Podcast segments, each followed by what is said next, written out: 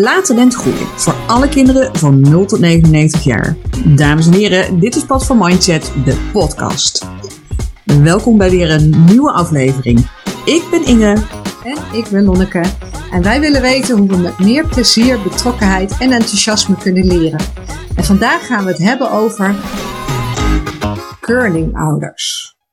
Dun, dun. Hey Inge, wij kregen een hele mooie mail van Yvette. Yvette is uh, lerares op een basisschool. En zij schreef ons een, eh, een mail en ik wil daar een stukje uit uh, voorlezen. Zij schreef het volgende. Wij merken op school dat kinderen steeds jonger de lat hoog leggen voor zichzelf. Faalangst ontwikkelen en een vaste mindset hebben. Dat gebeurt al bij de kleuters. Ik schrik daar wel van, omdat je, omdat je kinderen gunt dat ze zich vrij kunnen ontwikkelen. Ouders geven aan dat ze de lat niet hoog leggen voor de kinderen en alleen maar willen dat ze gelukkig zijn. Maar waar komt dat toch vandaan? Ik ben zo benieuwd hoe jullie hierover denken. Hmm. Ja, dat is eigenlijk een heel interessant fenomeen, want dat, uh, dat, dat, uh, nou, dat zien wij ook best wel veel en dat merken we natuurlijk in ons eigen gezin ook. Ja. Um, dus uh, laten we daar eens even wat verder over gaan, gaan hebben met elkaar om te kijken wat, nou, wat hier nou aan de grondslag ligt. Heb, heb jij al meteen een idee van, nou, hoe, waar komt dit nou toch vandaan? Nou, mijn vraag is, is dit iets van de laatste tijd? Of kinderen echt steeds jonger die faalangst ontwikkelen? Of is dit iets wat eigenlijk al veel langer speelt? Die faalangst en de lat hoog leggen. Ja, is dat echt iets van de, van de laatste jaren? Of was dat 20, 30, 40 jaar geleden eigenlijk ook al wel zo? Dat, dat vind, ik, vind ik ook wel uh, interessant. Ik heb zelf het idee dat toen ik, toen ik bij de kleuters uh, zat, um, ja, dat daarin ook al wel heel veel sprake was van een vaste mindset. En dat sommige kinderen daarin ook wel de lat heel hoog legden, ikzelf inclusief. Ik denk, ik denk wel dat de laatste jaren dat we steeds meer prestatiegericht zijn geworden en dat wij als ouders steeds meer het idee hebben gekregen dat onze hele opvoeding maakbaar is, dat onze uh, kinderen maakbaar zijn, het succes van onze kinderen maakbaar is. Um, en dat we dat toch wel steeds meer in onze opvoeding laten doorschemeren. Ik ja. heb het idee dat ik daar zelf ook wel als ouder regelmatig, uh, ja, toch wel onbewust mee bezig ben. Ja. Nou, en wat je ook wel, wat ik ook wel eens uh, uitgebreid gelezen heb, is dat, um, kijk, een jaar of uh, 60, 70 geleden waren de gezinnen ook nog een heel stuk groter. Ja. En um, nou, als jij uh, vier, vijf, zes kinderen hebt, dan, ja, dan heb je gewoon wat minder aandacht voor elk kind. En dan wordt er vaak ook nog gewoon heel hard gewerkt. Um, en je ziet eigenlijk, doordat die gezinnen ook een stuk kleiner zijn geworden, hebben we ook veel meer uh, de aandacht voor de kinderen. En hebben we begrippen als quality time. Wat ik niet wil zeggen dat het niet belangrijk is hoor, maar dat we dus wel echt heel bewust bezig zijn met onze kinderen. En uh, nou, ze ook heel bewust volgen om ze maar een zo goed mogelijke toekomst te geven. Dus ik denk wel dat aan de ene kant er wat meer prestatie uh, steeds, hè, dat er steeds prestatiegerichter is, ook wel op school. Uh, maar ook dat het vanuit thuis, dat er ook wel steeds meer focus op de kinderen ligt. Ja. Ja, ja nou ja, en dat zie je natuurlijk in social media bijvoorbeeld ook. Hè? Dus, dus elke scheet en elke, elk plasje op een potje wordt zo'n beetje gedeeld uh, op Instagram en op, uh, bijna op LinkedIn. Uh, uh, het cv van uh, zesjarigen staat er nog net niet op. Maar eigenlijk weet iedereen wel als ze een kind tegenkomen: Oh, jij bent laatst een badje verder gegaan. Of nou, wat hoorde ik nou? had jij een negen voor je werkstuk? Dus er, er, er, er wordt ook veel meer gedeeld over kinderen. Er, er ligt heel veel aandacht op hun ja. ontwikkeling en op hun prestaties en op hun falen. Net zo goed. Ja, maar ik denk dat het ook voor heel veel ouders is dat als het goed gaat met je kind, dat voelt denk ik als ouder toch ook wel alsof het dan dus ook goed gaat met jou. Hè? Ja. Alsof jij het dus ook goed doet dan. Hè? Dat is dan ook nog een, eh, een, eh, een, een, misschien wel een onbewust mechanisme wat erachter zit. Ja, want als je kind niet lekker in zijn vel zit, blijkbaar doe jij het dan verkeerd als ouder? Ai. nou ja, ik weet niet of je hem om kan draaien, maar ik denk in ieder geval dat als jouw kind het heel goed doet op school, of hè, je, je kind maakt hele mooie stappen, Nou, dan denk ik wel dat, dat er achter het gevoel kan liggen van, oh, wacht, ik heb de boel, uh, ik heb de boel mooi onder controle als ouder. Oh ja. Dat, uh, ik, doe dat, uh, ik doe dat wel goed. Is dit een beetje de attributie, uh, een fundamentele attributiefout? nee, dan zou het zijn als het niet goed gaat met een kind, dan ligt het aan het kind of aan de andere omstandigheden. En als het wel goed met je kind gaat, dan heb je dat helemaal aan jou te danken, aan jouw ouderschap. Ja, ja. dat is Ja. toch weer een ander uh, fenomeen. Ja, en als het bij een ander kind goed gaat, dan ligt het aan het kind of aan de omstandigheden. en als het niet zo goed gaat, dan ligt het aan het ouderschap van de ander. Ja, dat zou een fundamentele attributiefout zijn. Ja. En dus ik denk inderdaad, de, ik vind het wel mooi, want Yvette die zegt ook, ouders geven aan dat ze de lat niet hoog leggen voor de kinderen, alleen maar willen dat ze gelukkig zijn. Maar dan is gelukkig zijn is dus eigenlijk ook wel een soort prestatie. We willen dat hij gelukkig is. Dus we willen niet dat hij ongelukkig is. Dus op het moment dat Ja, dat... en- dan is de grote vraag, hoe, hoe probeer je dat als ouder voor elkaar te krijgen? Want Ja. toen wij deze mail lazen, toen dachten we wel meteen aan het begrip curling. Curling! Ja, Ja, ja, want absoluut. hoe ga je er nou voor zorgen dat je kind gelukkig is?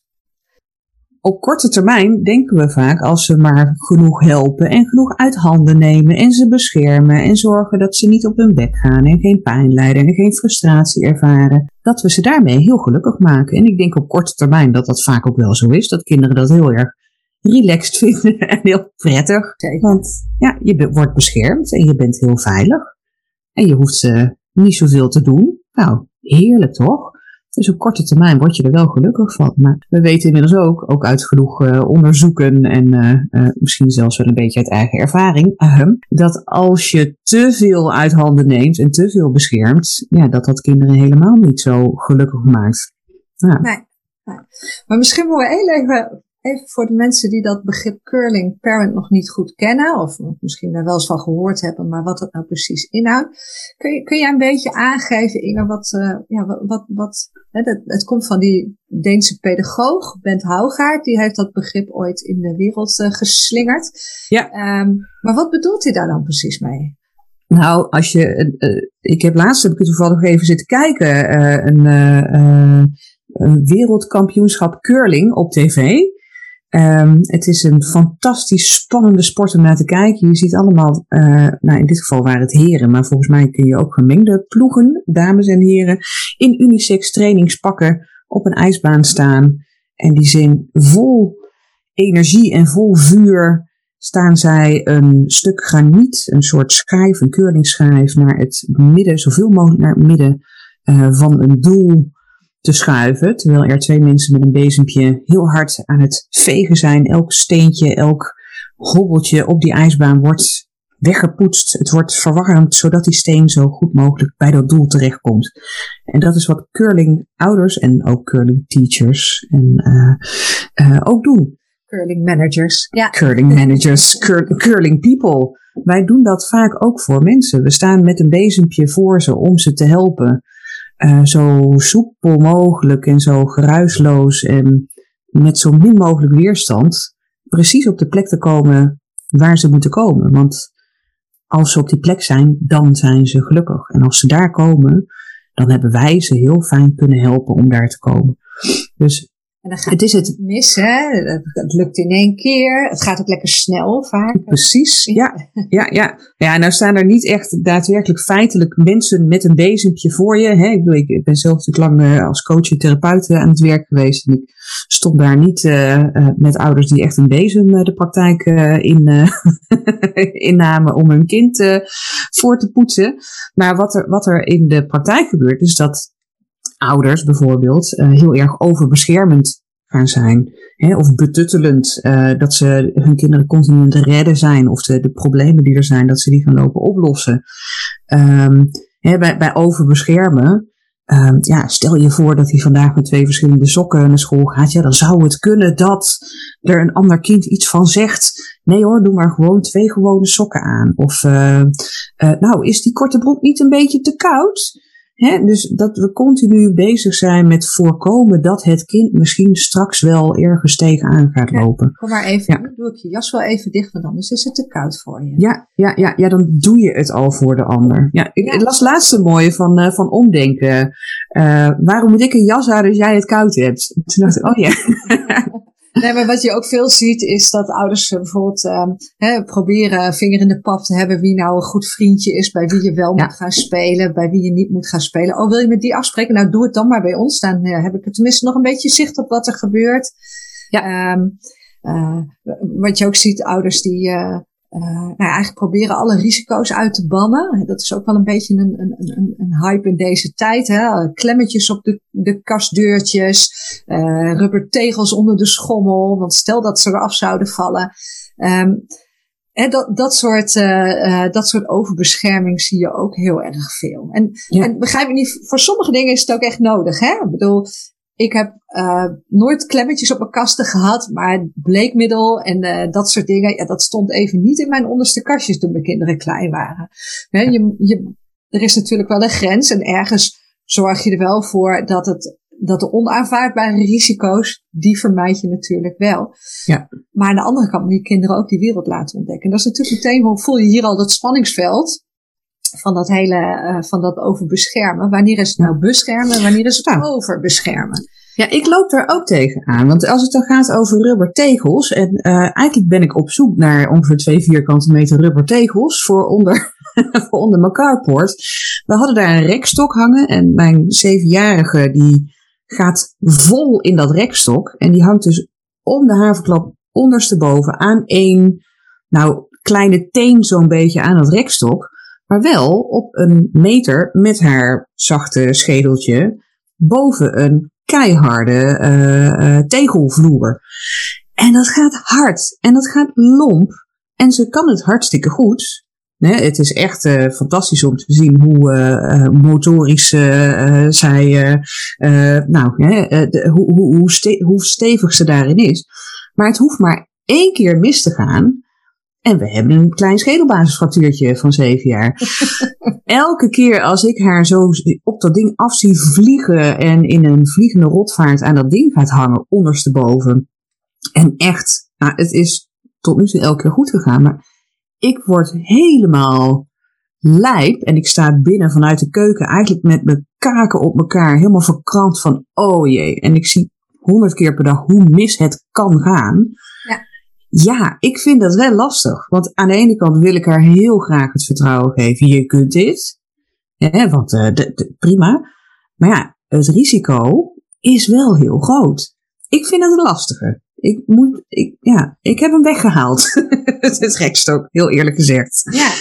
ja. Nou ja, en dat is wel een interessante om voor jezelf te kijken. Van, want doe ik dit nou uh, om haar te beschermen? Of doe ik dit nou eigenlijk vooral om mijn eigen gevoel uh, te beschermen? Ja. En, um, uh, en, en, en het zijn ook lastige dilemma's. En ik denk ook niet dat er één antwoord is. Want voor jouw dochter is dat misschien ook weer anders dan voor mijn uh, nou, zoon in dit geval. Ik probeer er altijd wel heel erg op te, op te vertrouwen dat kinderen die doen over het algemeen de dingen waarvan ze zelf wel het gevoel hebben dat ze dat dat ze dat voor elkaar gaan krijgen. Weet ja. Je? En, ja, dat daar vallen, vallen hoort daarbij. Ja, en ook vallen moet je leren eigenlijk. Hè? En als op het moment dat, ze, dat dat niet nodig is, ja, dan gaan ze ook dat niet leren. Nee, precies. En ik, ik had besloten dat ik haar in dit geval best wil laten vallen, uh, maar dan op iets uh, zachtere ondergrond. Want, uh, maar dat, dat, dat heeft, de, zij, zij is not amused uh, dat ik dat rekstok heb weggehaald. Ze vindt het echt heel stom. Ja, ik ook. ik vind het ook heel stom van mezelf dat ik mijn eigen angst hierin dus voorop laat staan. Ja. Maar ja, ik vind, ik vind dit wel uh, heel lastig. En ik denk dat dit ook wel vaak gebeurt hoor bij ouders. En dat zag ik ook met de ouders die ik begeleide. En uh, ook toen ik voor de klas stond ook heel vaak. Van wanneer is het keurlen? Ja, wanneer ontzorg je? En wanneer is het zorgen? Zorgen dat je kind veilig blijft. Dus die, die grens is ook wel lastig. En ik denk dat het sowieso al het feit dat we het erover hebben en dat we ons er bewust van zijn, um, dat is al heel belangrijk. Dat sowieso. En ja. Um, ja, om die grens ook te bepalen en om ook echt een keuze te maken van nou, in dit geval laat ik je wel dit risico aangaan en in dit geval niet. Ja. Ja, en het zit hem natuurlijk ook niet alleen maar in uh, fysieke pijn, hè, dit soort nee. dingen. Maar het zit hem juist ook in, um, oh, hij heeft uh, uh, morgen een spreekbeurt en hij heeft alles op het laatste moment aan laten komen. Kom maar, ik ga je wel helpen. Hè? En ja. dat, soort, dat soort dingen.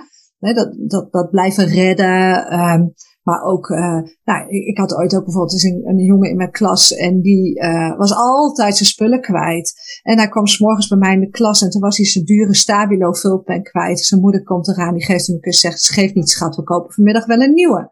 Ik denk, ja, zo blijf je altijd je spullen kwijt zijn. Hè? De, ja. de noodzaak is er ook niet om het te leren. Nee. Um, ook wel uh, mechanismoesjes. Hè, dat uh, van ja, mama, ik ben mijn gymspullen vergeten. Wil je eventjes een mailtje sturen dat ik opgesteld ben dat ik niet mee kan doen? Dat soort uh, dingen. Ga je daarin mee of niet? En dat heeft niet zozeer met fysieke pijn te maken, maar wel met ja, emotionele ongemak. Hè? Ja. Dat, ja, ja. Dat, dat je op je kop gaat krijgen van een docent. Of ja. nou ja, dat je met je mond vol tanden staat.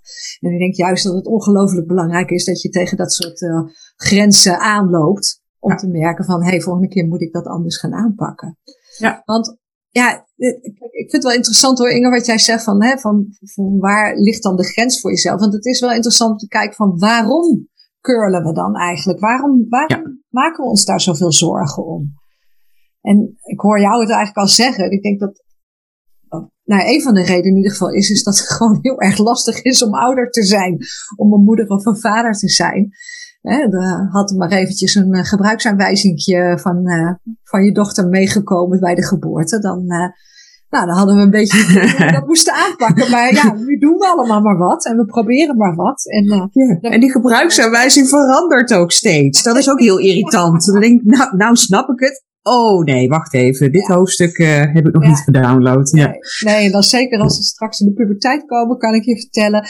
Dan, uh, dan wordt het gewoon 180 graden de andere kant op op sommige momenten. Dat je nu al zit in. Dit, dit hielp toch altijd? Nou, dat werkt dan niet meer en, uh, en andersom. Ja. ja.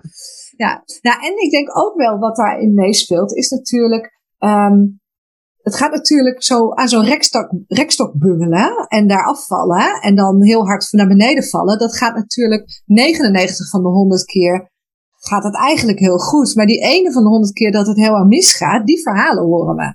Ja, en dan Zeker. kan dat zijn op het schoolplein van, oh, die heeft zijn arm gebroken, want die is van de rekstok gevallen.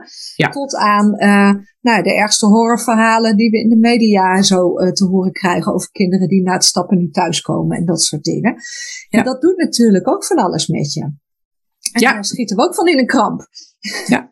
ja. ja. Nee, zeker. Zeker. Dat is de, ja, het is, het is ook gewoon heel eng om van tevoren al te bedenken wat er allemaal kan gebeuren en het dan los te laten. Het toch aan te laten gaan. En, maar ja, waarom zou je dat doen? Ik bedoel, waarom zou je je kind niet beschermen? He, dat is natuurlijk, voor heel veel ouders zit dat er wel achter. Waarom zou je je kind nou in vredesnaam recht op iets af laten gaan waar het sociale afwijzing zal mee gaan maken of waardoor het een onvoldoende zal krijgen? Je wil toch dat je kind gelukkig is? Ja, wat blijkt nu? Dus die kinderen die heel veel worden geholpen, waar, die heel veel worden verwend, de, waar, waar ontzettend veel wordt gecheerd, die worden betutteld, dus waar veel wordt gekurld. Uh, gekurld, dat is een mooi uh, werkwoord. Um, dat zijn toch kinderen die hun autonomie niet zo heel stevig ontwikkelen. Ze blijven ontzettend afhankelijk van jouw hulp. Het is heel lekker als ouder dat je nog steeds heel erg nodig bent. Maar ja, we willen natuurlijk eigenlijk wel heel graag dat kinderen steeds zelfstandiger worden. Dat ze zichzelf leren redden. Ja, en wat gebeurt er op het moment dat wij minder autonomie ontwikkelen? We zien dat mensen veel sneller depressief raken. Uh, dat ze um, uh, relationeel veel slechter in hun vel zitten. Dus dat ze veel minder goede relaties aan kunnen gaan. Dat ze emotioneel instabieler worden dat hun uh, inhibitie, hun, hun emotieregulatie veel slechter is. Ja, uh, dan word je niet heel gelukkig. Nee. Dus het, het, ja. Op ja. korte termijn zul je een kind inderdaad even een prettig gevoel geven en jezelf ook. Maar op lange termijn doe je kinderen er geen plezier mee om ze continu te beschermen en um, te behoeden. Nou ja, dan zie je ook veel die, uh, wat, wat, wat Yvette ook in haar uh, mailtje schreef, dat, het, dat die faalangst ontwikkelt. Kinderen die weinig zelfvertrouwen hebben. Eh, op het moment dat jij ze altijd stuurt, de keuzes voor ze maakt, ze helpt, ja, dan zijn ze dat op een gegeven moment zo gewend, dat wanneer die sturing er niet meer is, dat ze onzeker worden en angstig worden en niet meer weten welke keuzes ze moeten maken. Want dat wordt altijd voor ze gedaan. En um, nou ja, jij noemt ook die depressieve gevoelens. De depressiviteit, daar is ook gewoon wetenschappelijk aangetoond verband tussen deze curlingouders en de hoeveelheid antidepressiva die later wordt geslikt.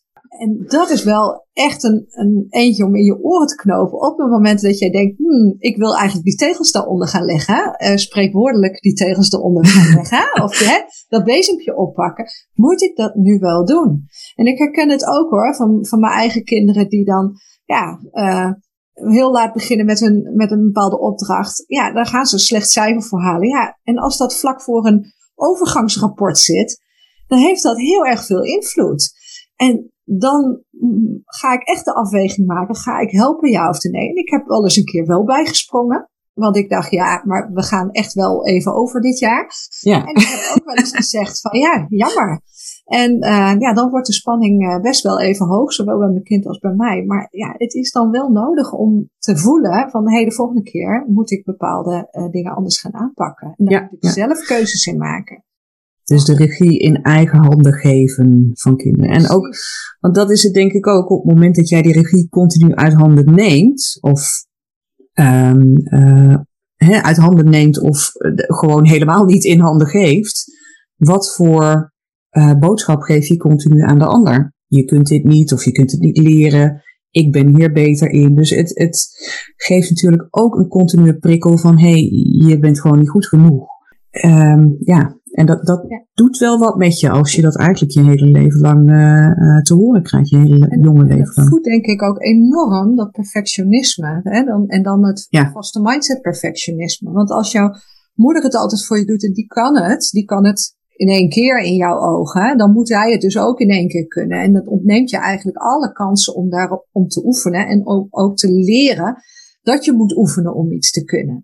Ik vind een heel mooi voorbeeld, wat ik zelf in het verleden wel heb meegemaakt, is. Um, nou ja, in mijn werk uh, begeleid ik ook heel veel ouders. En uh, dan vroeg ik ze bijvoorbeeld van, nou, wie smeert thuis de boterhammen morgens bij het ontbijt?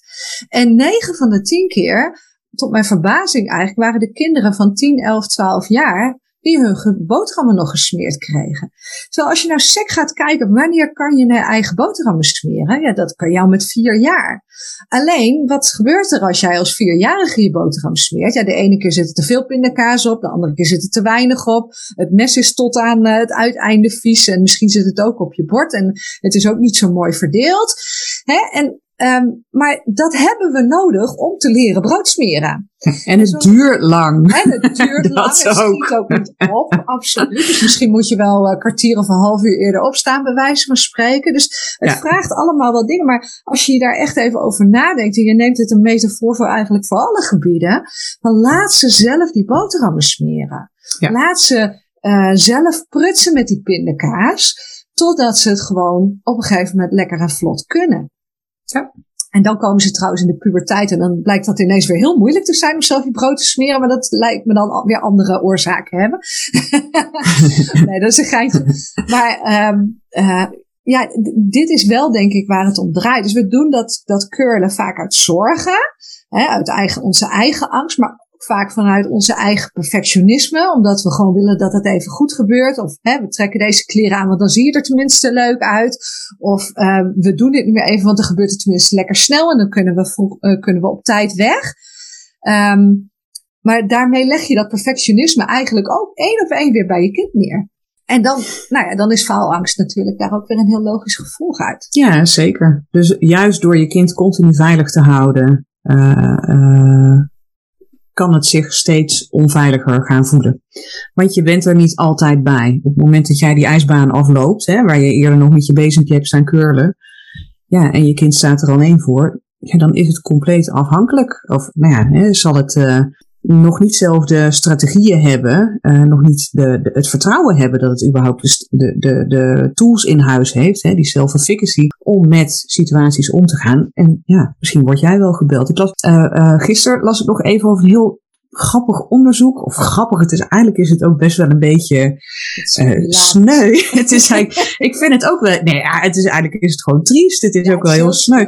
Dat er in, in uh, Amerika is een groot, uh, groot onderzoek geweest waarbij bleek dat werkgevers um, maar liefst 30% van de werkgevers die werden benaderd in dit onderzoek, die gaf aan dat ze uh, te maken hadden gehad met ouders van werknemers uh, die zich bemoeiden met bijvoorbeeld loonsverhoging, met uh, het verzetten van data van interviews. Uh, er was op een gegeven moment een verhaal van iemand en die zei van ja, ik was bezig met salarisonderhandelingen en ik kreeg ineens de vader van de, uh, van de kandidaat aan de telefoon. Want er moest onderhandeld worden. Ja, en de vader die uh, voelde zich daar toch uh, wat ja, meer toe geroepen dan zijn eigen zoon. En ze wilde er kosten wat kost het beste uitslepen. Ja, dat is natuurlijk eigenlijk heel triest dat als je dan het volwassen leven instapt ja, dat, je, dat je ouders dan nog denken uh, dat ze het voor je moeten regelen. Of dat jij zelf denkt dat je ouders het voor je moeten regelen. Je hele assertiviteit, je autonomie, je hele zelfstandigheid, je hele basale zelfvertrouwen um, is daar natuurlijk niet echt bij gebaat. Als je als ouder je daar continu mee bemoeit. Nee. Ja. nee, nee, het is inderdaad heel triest. Maar omdat het zo extreem is, is het natuurlijk ook wel weer een beetje beetje lachwekkend. Maar het is, het is natuurlijk wel een, een symptoom. En ik denk wel, hè, in het begin begonnen we erover van, is dat nou iets van de laatste tijd? Of is dat altijd al zo geweest? En ik denk wel dat het steeds wel echt, dat dit echt wel iets is wat gewoon in de laatste 20, 30 jaar echt aan het opkomen is. Ja. En, um, en daar heb ik ook een beetje over na zitten te denken. Van, van, van hè, waarom wordt dat dan nu steeds meer? Waarom wordt dat dan steeds sterker? Um, en ik denk dat dat ook wel met, die, met gewoon de, de meetlat van onze maatschappij. Hè, wanneer ben je succesvol als, als jongvolwassene? Nou, als je, als je meteen een goede baan hebt en goed, goed salaris hebt. En ja, ouders die, uh, die uh, dat niet doorhebben, dat ze zich daar zo mee bemoeien, die duiken daar gewoon vol in. En die gaan ja. er tegenaan. Maar je ziet het op school ook. Hè. Ik heb ook tijd uh, als, als leerkracht op een basisschool gewerkt. Dat er ja, sommige ouders het heel moeilijk vinden om de ontwikkeling van hun kind op dat vlak los te laten. Ja. En dat aan school te geven. En um, en dan vind ik het wel belangrijk om dat verschil dan te maken met echt het curlen. Of als er echt iets met je kind is en hij zit echt niet lekker in zijn vel, dat je dan voor, voor je kind zorgt en voor je kind opkomt. Hè. Dat, daar zit natuurlijk ook echt wel een nuanceverschil in. Maar ja, je ziet echt, vaak zijn moeders die elke dag op het schoolplein staan, die elke dag na schooltijd even binnenkomen lopen om te vragen hoe het gegaan is die dag. Gewoon omdat ze de controle willen hebben, de, de noodzaak voelen om te weten wat hun kind die dag gedaan heeft. Wat er, um, nou, wat er gebeurd is in de klas. Of hij nog ergens tegenaan loopt. Heeft iemand nog iets naars tegen hem gezegd? Weet je, dat uh, ja. vanuit ja. die controledrift wat eigenlijk is. En ja. omdat we denk ik in onze maatschappij ook veel meer mogelijkheden hebben nu om dingen over uh, wat er in de klas bijvoorbeeld gebeurt te delen. Hè. We er zijn van die apps zoals Klasbord nou, dat is gewoon social media voor een klas. Dus daar kun je als leerkracht dan foto's op plaatsen. Dus ouders krijgen ook veel meer mee. Dus ja, dat wordt voor die ouders ook wel weer gevoed. Ja. En dat maakt het ook wel weer lastig. Ja, en, en denk je niet dat het er ook een beetje in zit dat we tegenwoordig heel goed uh, erachter kunnen komen hoe we het beste kunnen opvoeden? Als je kijkt naar hoeveel uh, stromingen er zijn en hoeveel kennis er is over opvoeden. Uh, kijk, als je, als je naar de basisbehoeften kijkt, naar, naar Maslow, hè, dus uh, wordt er voldaan aan veiligheid, aan, ehm, sorry hoor, aan je ehm, fysieke veiligheid. Dus heb je een huis, heb je, heb je een dak boven je hoofd, heb je te eten, heb je een baan. Ja, dat zijn vaak wel de zaken waaraan wordt voldaan. Ja, en welke behoefte komt er dan? Dan komt het stukje zelfverwezenlijking. En dat is hetgene wat we heel graag voor onze kinderen ook willen. Dus aan de ene kant, hè, we, we zijn allemaal uh, nou ja, verwend genoeg eigenlijk om ons bezig te kunnen houden met ontplooien. En daarbij is er ontzettend veel kennis voorhanden over hoe je dan een ander het beste kunt laten ontplooien. Dus ja, door daar helemaal in te gaan zitten en stapje voor stapje, een stappenplan van zo wordt mijn kind gelukkig en zo wordt mijn kind uh, sterk en zal succesvol worden. Ja, misschien is dat ook, dat heeft ook een keerzijde. Aan de ene kant is het fantastisch dat we veel meer handvatten hebben. Aan de andere kant, um, ja, kun je het nu eigenlijk alleen maar altijd nog beter doen. Ja, precies. Dat, dat is heel, uh, en dat maakt het opvoeden alleen nog maar lastiger. En uh, het geeft je ook misschien een beetje het gevoel van schijncontrole, de, de schijn van controle hebben op de, ja. op de opvoeding. En ja. als ik deze methode volg, dan doe ik het goed. En um, uh, nou ja, wat, wat, je, wat ik bijvoorbeeld wel zie is, en dat er ook wel echt een stroming is. En ik wil niet per se zeggen dat dat slecht is hoor. Dat, dat, wil ik, dat, dat, zo wil ik het helemaal niet doen. Maar er zijn wel bepaalde stromingen waarin heel erg wordt uitgegaan. Hè, wat is de behoefte van het kind? Welke, welke, hè, wat heeft het kind nu nodig? Nou, daar, daar ben ik het op zich helemaal mee eens. Alleen als je daarin doorschiet, want die ouders heb ik ook gezien, dat echt ooit eens een keer iemand in mijn uh, die kwam bij mij op visite en ik had een vissenkom staan. En dat kind had, zat binnen drie tellen, terwijl het echt een jongen van een jaar of uh, vijf, zes was. Zat met drie tellen onderin met beide armen in de vissenkom. En uh, ja, en daar werd om gelachen. Ja, dat vindt hij leuk. Hè? Hij mag van mij doen wat hij, welke behoefte hij voelt. Ik denk ja, maar als je op deze manier kinderen op, op iedere impuls, op iedere wens kunt laten ingaan, dan krijg je later echt heel erg vervelende kinderen. Heel veel eisende kinderen die denken dat alles maar kan of dat alles, uh, hè, alles maar uh, mogelijk moet zijn voor hun. Dat ze eigenlijk een soort van recht hebben op alles wat ze willen. En die kinderen die zie je wel meer, vind ik, de afgelopen ja. 10, 20 jaar. Ja, ja. Ik, ik, denk dat onvoorwaardelijk ouderschap daarin heel erg wordt uh, verward met onbegrensd ouderschap. Maar wat dan wel, hè? Ik bedoel, want op het moment dat, je, dat, dat we zoveel voor, uh, voor handen hebben, bedoel, ja, we, we, mogen dus niet al te veel curlen. Hè? Dat betekent, uh, want, want we willen ze graag gelukkig uh, laten zijn. Hè? We willen graag dat onze kinderen gelukkig worden. Maar we mogen niet te veel curlen, we mogen niet te veel voor ze oplossen.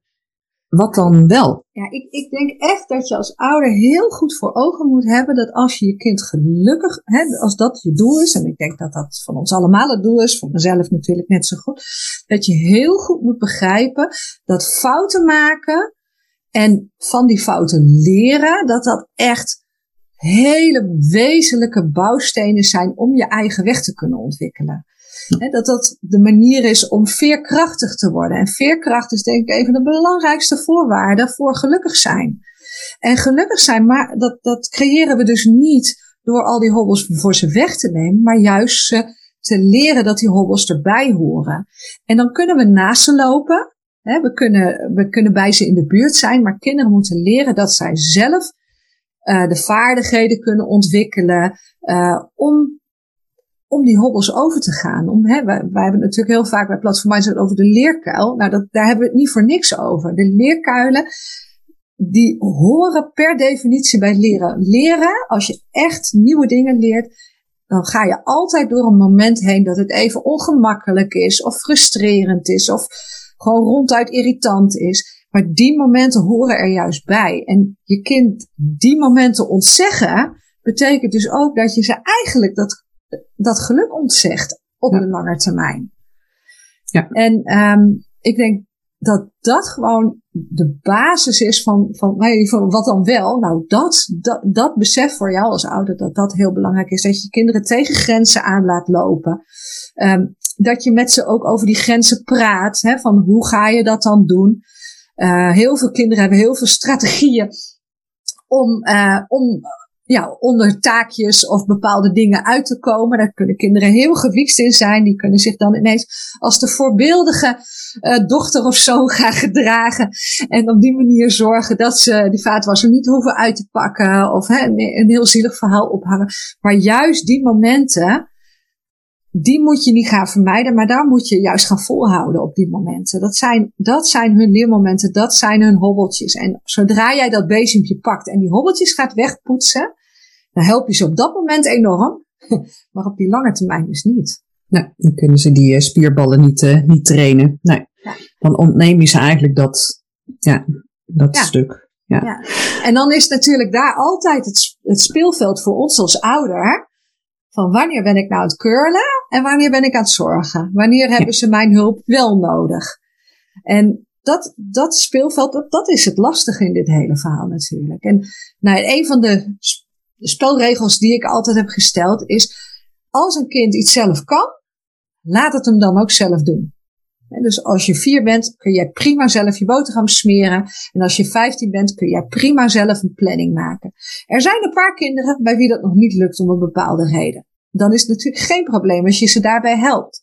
Maar zoals de, um, de mentor van mijn zoon in de eerste uh, heel duidelijk al stelde na een paar weken. Het is fijn dat jouw moeder je nu helpt met je planning. Maar dat kan ze natuurlijk niet tot 6 VWO blijven doen. Hè? En er was voor mij ook weer zoiets van, oh ja, wacht even, ik kan hem nu helpen. Maar in de volgende periode laat ik het los. En dan ga je het zelf proberen. Backing up, backing up.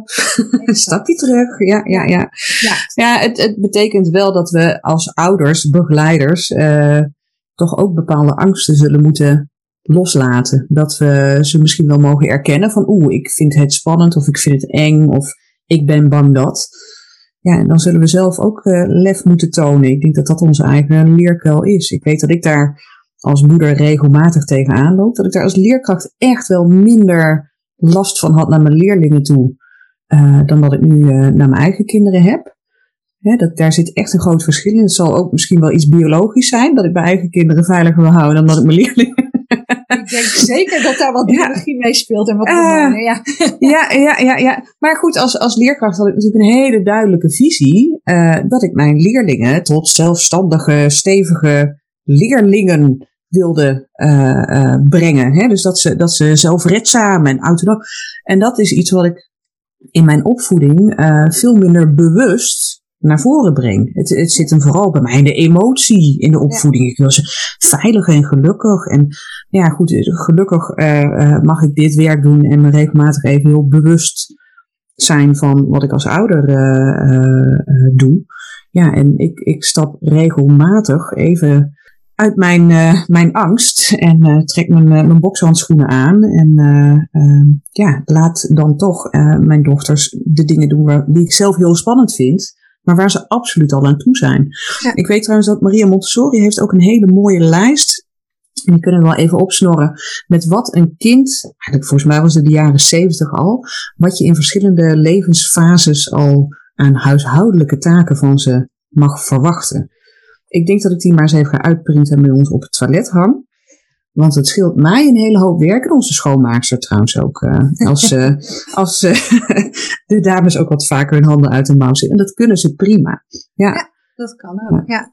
Ja. Nou, maar wat ik wel leuk vind in wat je zegt is eigenlijk, en dat was ook voor mij, hè, ik, had, ik heb dit natuurlijk een beetje voorbereid en bedacht van, maar wat, wat, wat wil je nou wel doen dan? Nou, en dat is natuurlijk wel ook hierin een stukje zelfreflectie naar jezelf. En ook bereid zijn om daar kritisch naar te kijken. En daar desnoods echt ook aan te werken. Als je merkt van dat je zelf nou, daar veel angstig in bent. Of hè, merkt dat je erg die controle wil hebben. En je wil inderdaad je kind gelukkig zien. Dat je daar dus voor jezelf aan gaat werken. En wat ik dan heel vaak zie is dat die kinderen naar een kindercoach gestuurd worden. Ja. Maar ik denk, maar daar zit het probleem niet. ja. Ja. Wees dan zo dapper, wees dan zo kwetsbaar om daar met je, voor jezelf aan, mee aan de slag te gaan. Dat is echt een hele, een hele belangrijke. Ja, dus eigenlijk als je kind naar een kindercoach gaat, uh, dan mag jij uh, zelf als ouder ook even naar een oudercoach. Misschien is dat wel zo eerlijk, hè? Ja. Dat, denk ik vaak wel, ja. ja. ja. Nou ja, en wat, en wat daar ook wel aan vasthangt, uh, wat ik dan bij, nou, het zijn toch vaak moeders, maar ik wil niet zeggen dat dat niet bij, bij vaders ook kan spelen, is dat zij zo bezig zijn met hun kinderen, die kinderen krijgen alle aandacht in de, in de drang om het graag goed te doen. ik, ik, ik erken meteen dat dit uit alle liefde en uit alle compassie gebeurt. Maar wanneer je zo bezig bent met je kind of met je kinderen, dan negeer je ook je eigen behoeften. alle tijd wordt opgeslorpt door die kinderen, terwijl jij zelf natuurlijk ook behoeftes hebt. Dus juist door een stapje terug te doen en ook eens te kijken, nou, om wat me-time in te bouwen. Dan ben je even wat minder met dat kind bezig. En je maakt ondertussen ook ruimte voor je eigen ontwikkelingen, voor je eigen interesses. En ja. dat is ook echt een win-win situatie. Ja. Dus je moet wat vaker in je hangmat gaan liggen. Dus het is, het is van curling naar uh, hangmat. Ja, Lief, liefdevolle verwaarlozing wordt het ook wel eens genoemd. Vind ik ook een, een eh, heerlijke term. Ik noem het altijd, wees af en toe een lekkere luie ouder. Ja, ja, Iemand in mijn training zei ooit van, oh ja, ik moet dat bezempje wat vaker in de hoek zetten. Ja, ja ga lekker in je hangmat liggen. Ga lekker even liggen en uh, duik even in een boek. Heb even niet door wat er allemaal gebeurt. Al is dat maar zo genaamd. En laat het maar even gebeuren. En dat doe je natuurlijk niet met een kind van anderhalf. Maar dat doe je wel met eentje van tien die zich loopt te vervelen. En dat je de neiging hebt om te vertellen wat hij allemaal moet gaan doen. Nee, Ehm, jij gaat lekker even je boek lezen en laat het kind maar eens eventjes lekker uitzoeken wat hij dan eigenlijk graag zou willen.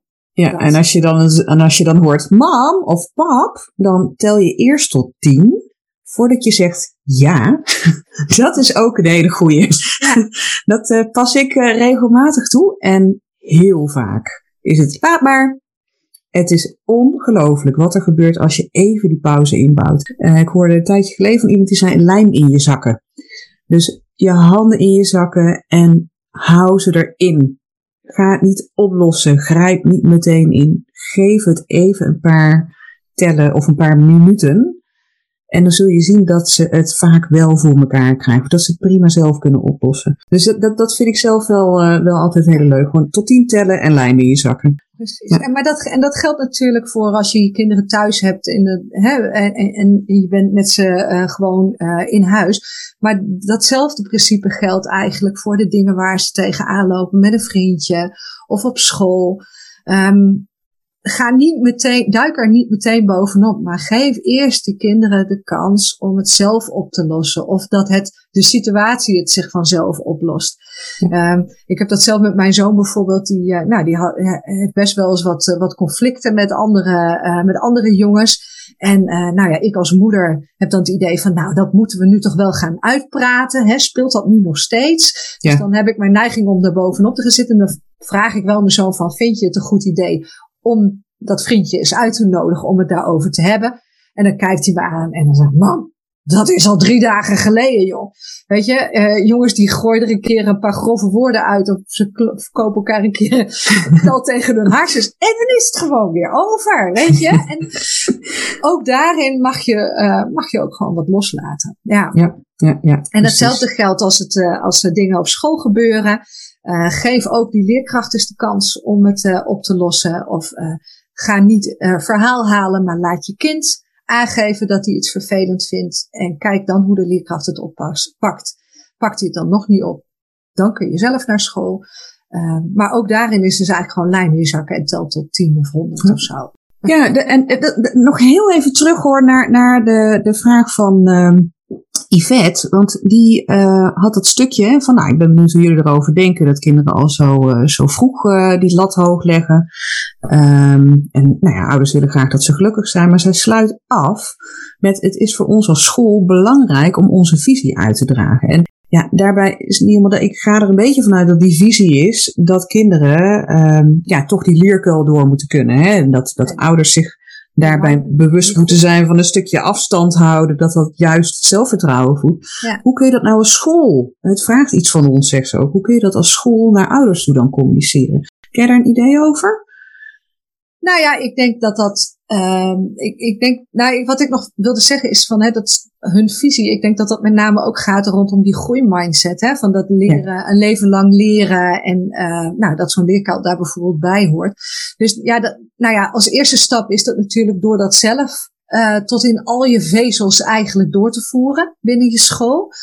Um, maar ik denk ook dat dit wel iets is wat je ouders heel nadrukkelijk kan meegeven. Kijk, je kunt natuurlijk niet uh, je tot in detail gaan uh, bemoeien met de opvoeding van uh, hoe, hoe ouders hun kinderen opvoeden. daar zit natuurlijk wel een grens. Maar door hierover informatie te geven, bijvoorbeeld, hè, organiseer hier eens een, een ouderavond over.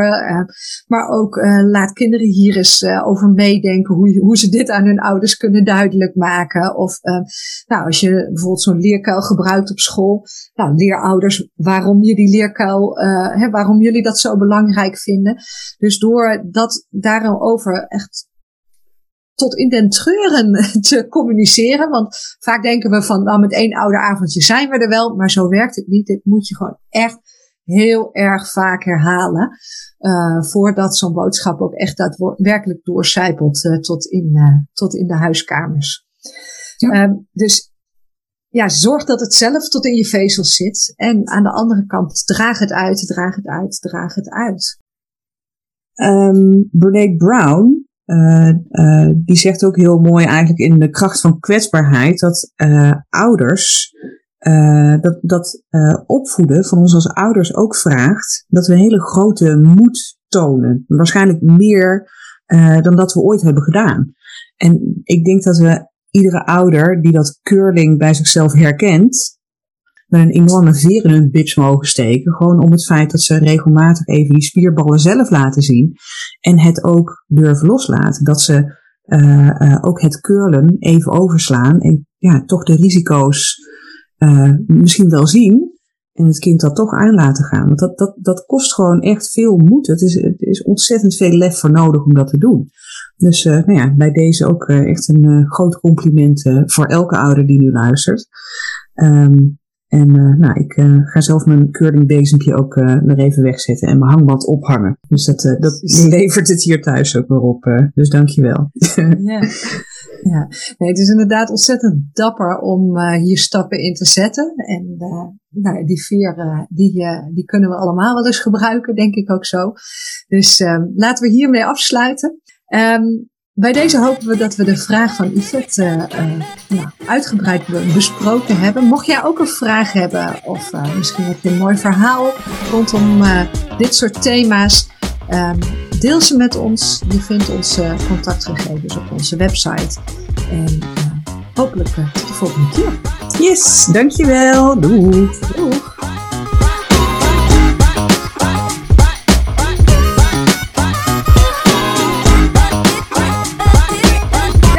Podcast werd gemaakt door Inge Korstiaans en Lonneke Snijder. Superleuk dat jij er vandaag bij was. Durf jij het aan om jouw mindset-verhaal met ons te delen? Of heb je misschien een vraag die wij in deze podcast kunnen beantwoorden? Stuur ons dan een berichtje. En ben je blij met deze podcast? Laat dan zeker even een review achter, zodat nieuwe luisteraars ons ook kunnen vinden. Zo laten we samen talent groeien. Let's grow!